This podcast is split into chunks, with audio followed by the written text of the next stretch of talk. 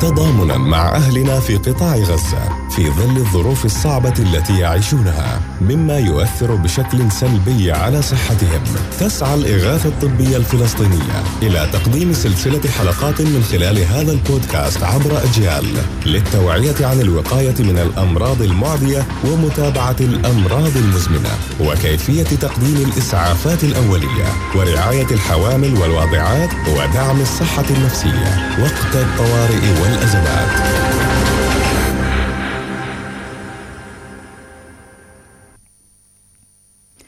أهلا ومرحبا بكم متابعي شبكة أجيال الإعلامية نواصل وإياكم هذه التغطية للحرب الإسرائيلية على غزة في يومها السادس والستين.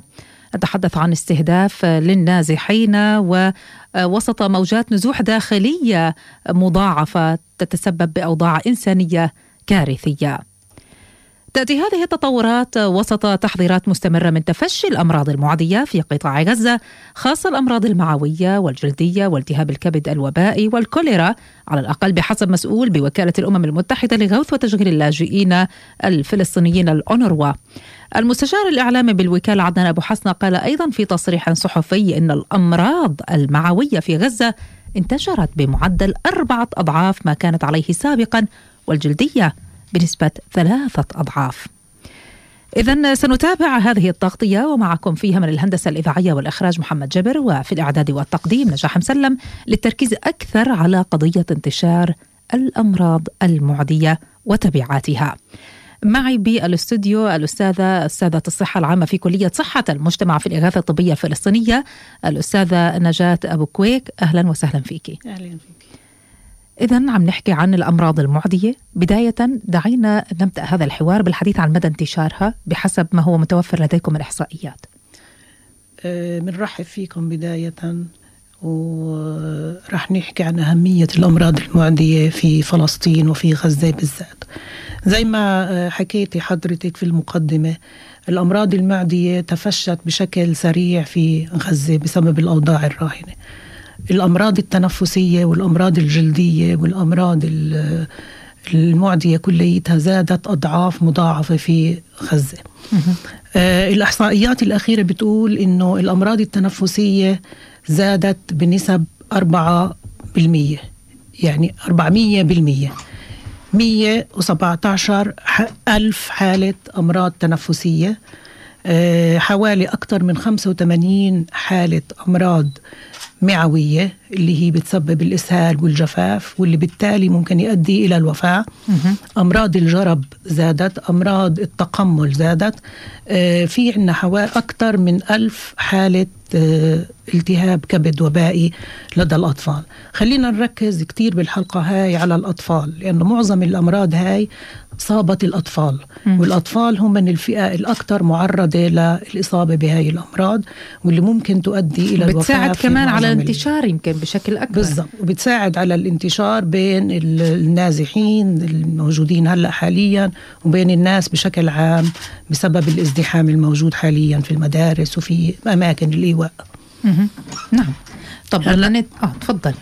هلا إذا بدنا نيجي نحكي عن الأمراض المعدية شو هي الأمراض المعدية بشكل عام بالطبع. الأمراض المعدية هي أمراض تنتقل من إنسان إلى آخر.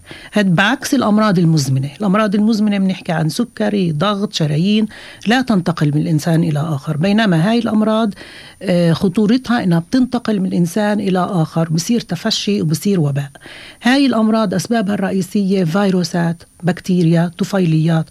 وين بتكون موجودة هاي؟ هاي بتكون موجودة في مياه ملوثة طعام ملوث تربة ملوثة أسطح ملوثة إذا تم التواصل مع هذه ال ال الأشياء الملوثة بتم الإصابة بالأمراض المعدية. وطبعا تنتقل من إنسان لآخر. وتنتقل من إنسان إلى آخر وتنتشر عن طريقتين في انتقال بطريق مباشر وانتقال بطريق غير مباشر. كيف بيصير الانتقال المباشر؟ بيصير عن طريق ملامسة الشخص المعدي. مثلا إذا شخص في عنده جرب وهو مرض جلدي صار في تماس مع شخص سليم بينتقل له المرض. تنتقل عن طريق الهواء. في الأمراض التنفسية مثلا تنتقل عن طريق الهواء. إذا صار في عن طريق الهواء من شخص إلى آخر. إذا صار إذا الشخص المريض قرب على شخص سليم وتنفس صار في خلال التنفس بنتقل له هذا المرض. وهذا بطبيعة الحال الواقع في قطاع غزة خاصة لما نحكي عن المدارس اللي بالزبط. تم اتخاذها كمراكز إيواء. في الصف الواحد في أكثر من 100 150 شخص. بالضبط. إذا بدنا نطلع على على قطاع غزة في الوقت الحاضر وشو اللي صاير وشو الأسباب اللي فاقمت من تفشي هاي الأمراض عندك أول إشي المياه الملوثة. زاد نسبة استهلاك المياه الملوثة بسبب عدم وجود المياه هلأ. آه، صار في ناس كتير يستخدموا مياه البحر مياه البحر كمان ملوثة. صح. تراكم النفايات زي ما شفنا في نفايات كتير البنية التحتية يعني صارت ضعيفة كتير كتير. تراكم النفايات آه، المياه يعني كل الظروف اللي بتزيد بيئة خصبة للبكتيريا بيئة خصبة لتكاثر البكتيريا والفيروسات اللي تنقل الأمراض هاي. هلأ آه الأمراض كيف بتنتقل للإنسان؟ بكمان تنتقل من الحشرات. إذا في عندنا نفايات برا آه، مكومة الحشرات تنقل هاي الجراثيم من من النفايات للإنسان. ومن إنسان إلى إنسان عن طريق التواصل والاكتظاظ اللي صاير حاليا. خطورة عدم معالجة آه، خلينا نحكي عن الأمراض التنفسية بما أنها الأسرع انتشارا وخلينا نحكي كمان الأكثر انتشارا. المزبوط الأمراض التنفسية رح نحط لها حلقة خاصة فيها. بس خليني أحكي كمان عن الأمراض التنفسية بشكل, بشكل عام. عام بشكل عام وخاصة عند الأطفال. هاي الأمراض من الأمراض الخطيرة جدا. ليش؟ لأنه بتأثر على الجهاز التنفسي. لما تأثر على الجهاز التنفسي نسبة التنفس بتزيد كتير وبصير في عندنا صعوبة في التنفس. هذه الحالات تستلزم مستشفيات. وإحنا زي ما شايفين هلأ المستشفيات وضعها متردي جدا في قطاع غزة. يعني الطفل اللي مصاب بالتهاب تنفسي وبضل في البيت أو بضل في أماكن الإيواء بصير عنده صعوبة كتير إنه يؤدي إلى الوفاة. يا الله. نعم. نفس الإشي الأمراض الثانية اللي رح نحكي عنها بشكل مفصل في حلقات تانية مم. نفس الإشي الأمراض المعوية الأمراض المعوية خطورتها إنه بصير عن بصير الأطفال عندهم إسهال صح. الإسهال المتكرر مش هو اللي بيعمل وفاة اللي بيعمل وفاة إصابة جفاف. الأطفال بالجفاف نتيجة الإسهال إذا الطفل صار عنده جفاف وهذه الحالة تستلزم برضه مستشفى ويعني محلول الجفاف وكل الأمور اللي بتلزم في المستشفى. إذا ما توجه الطفل هذا للمستشفى وأخذ العناية اللازمة كمان يؤدي إلى الوفاة. رح نحكي إن شاء الله بحلقة جاي كمان عن الجفاف كيف نتعرف على علامات الجفاف ووقتيش الأم أو الأهل يتوجهوا بطفلهم ل طب فعليا نحكي هيك يعني معلومات سريعة فيما يتعلق بالوقاية خاصة فيما يتعلق بالأمراض المعوية. شو الواحد يسوي يعني؟ آه خلينا في القطاع أنت بتحكي عن ظرف استثنائي. نعم خلينا في هالظروف؟ خلينا نعطي أول شيء طرق وقاية بشكل عام لكل الناس سواء غزة أو الضفة أو بشكل عام. أول إشي مياه نظيفة لازم الإنسان يتناول مياه نظيفة. اثنين تغسيل الأيدي بشكل مستمر. الأيدي على فكرة بالجسم هي أكثر عضو فيها فيها جراثيم. صح. الاست... وين ما بتروح تحط إيدك على الاسطح الملامسة التسليم كل بالزبط. هاي الأمور. التخلص من النفايات بشكل سليم. هاي شغلات أساسية تمنع الأمراض المعدية. بنحكي عن نظافة بشكل عام عن بيئة نظيفة بشكل عام. إذا جينا اطلعنا على آه، آه، أهلنا في غزة وبدنا نعطيهم بعض الإرشادات يعني أنا ما بدي أكون كتير آه، يعني مثالية عشان أقول لهم اشربوا مي نظيفة وتخلصوا من النفايات. آه. ما فيش مي أساسا. خليني بس أعطي بعض بعض النصائح البسيطة. مثلا الأمهات أو الأهل في في في أماكن الإيواء. المياه اللي للشرب فقط نغليها. وهذه طريقة سهلة. نقدر نغلي المي. إذا مش متوفر عندنا مياه نظيفة آه نغلي شوية مي. المي هاي طبعا فيش غاز بس في في نار يعني. إحنا شفنا إنه بيستخدموا النار. خلينا نغلي شوية مي. هاي المي فقط للشرب لأنه بصيرش نشرب مياه مش نظيفة وخاصة للأطفال. النفايات. النفايات طبعا البلدية والبنية التحتية كليتها صارت سيئة. آه، في أماكن القوى بننصحهم إنه النفايات إذا بيعملوا حفر بعيدة شوي وبطمر النفايات هاي بتخلصنا من إنه النفايات تضلها مكشوفة صح. وتنقل حل. مؤقت. وتنقل بالضبط آه الازدحام مش يعني مش راح نقول لهم إنه آه يعني داخل الصف في ازدحام كتير ما فيش مجال نحاول الطفل أو الإنسان المصاب بالتهابات تنفسية يكون بعيد شوي يكون يعني ما فيش غرفه منعزلة طبعا بس يكون بعيد شوي ما ما يحاولوا يختلطوا فيه عن قرب.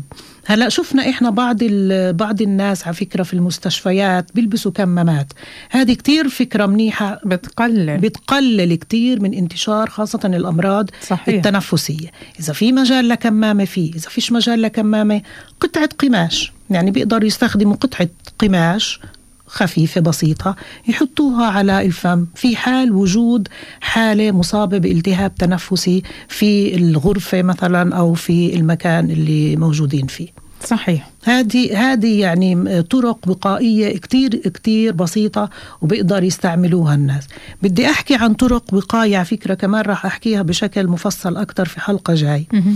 الأطفال اللي بيصير عندهم إسهال بسبب الأمراض ال- معوية. المعوية مهم. إحنا بنقول انه الطفل صار عنده مرض آه، أو جرثومة إسهال. إذا صار عنده حالة إذا صار عنده ثلاث مرات إسهال باليوم إسهال مائي أو أكثر. شو الام بتقدر تعمل عشان تقي من ال- الجفاف قبل ما يوصل مرحلة الجفاف؟ آه. إشي كتير كتير بسيط بتقدر تعمله الأم. بتغلي كاسة مي. كاسة المي هاي كاسة الشاي اللي هي حوالي 200 250 ملي مم. تغلي كاسة مي بتبردها. بتحط فيها معلقة سكر ممسوحة رشة ملح بسيطة. إذا في ليمون عصرة ليمون فيش ليمون فيش ما داعي. بتحركهم. هاي ال- الكاسة هي عبارة عن محلول للجفاف. يقي الطفل من الإصابة بالجفاف. إذا مي وسكر معلقة صغيرة ممسوحة ممسوحة. وملح. رشة ملح. رشة ملح. بتحركهم هذا محلول جا- جاهز. هلأ إحنا في عنا محلول الجفاف جاهز في الصيدليات صح. وفي المستشفيات. بس في حالات الطوارئ هذه بنقدر نستخدمها لحالات الطوارئ فقط. كيف بنعطي هذا المحلول؟ للأطفال الأقل من سنتين. بعد كل تبرز مائي تعطيه معلقة. معلقة معلقة أكل. بعد كل تبرز تعطيه معلقة من هاي من أي عمر المحلولات. لأي عمر. هذه معلقة بتعطيه من عمر يوم لعمر سنتين. آه. إذا أكبر شوي بتعطيه معلقتين ثلاث معالق. أكبر شوي بتقدر تعطيه ربع كوب. هذا المحلول بينفع للأطفال وللكبار في حالة لتلافي حصول جفاف نتيجة بالضبط. الأمراض المعوية بالضبط وهو الجفاف هو السبب الرئيسي للوفيات عند الأطفال مم. فإذا عملنا هاي الخطوة هاي الخطوة كتير مهمة نقي الإصابة بالجفاف قبل ما يوصلوا الأهل لأي مركز صحي أو أي. آه، مقدم خدمات يعني هاي كلها نصائح مهمة آه، وتصب في آه، في صلب ال- الظرف اللي عم بنمر فيه نعم. سواء كنا عم نحكي عن قطاع غزة أو عن الطفل نعم. ممكن نستعان بهاي الطريقة وغيرها من طرق الوقاية أكيد رح ندخل في تفاصيلها في الحلقات ال- نعم. القادمة إن شاء الله. أستاذة الصحة العامة في كلية صحة المجتمع في الإغاثة الطبية الفلسطينية الأستاذة نجاة أبو كويك. شكرا جزيلا لك. شكرا لكم. هذه التغطية مستمرة عبر أجيال ولكم منا كل التحية من الهندسة الإذاعية والإخراج محمد جبر وفي الإعداد والتقديم نجاح مسلم إلى اللقاء.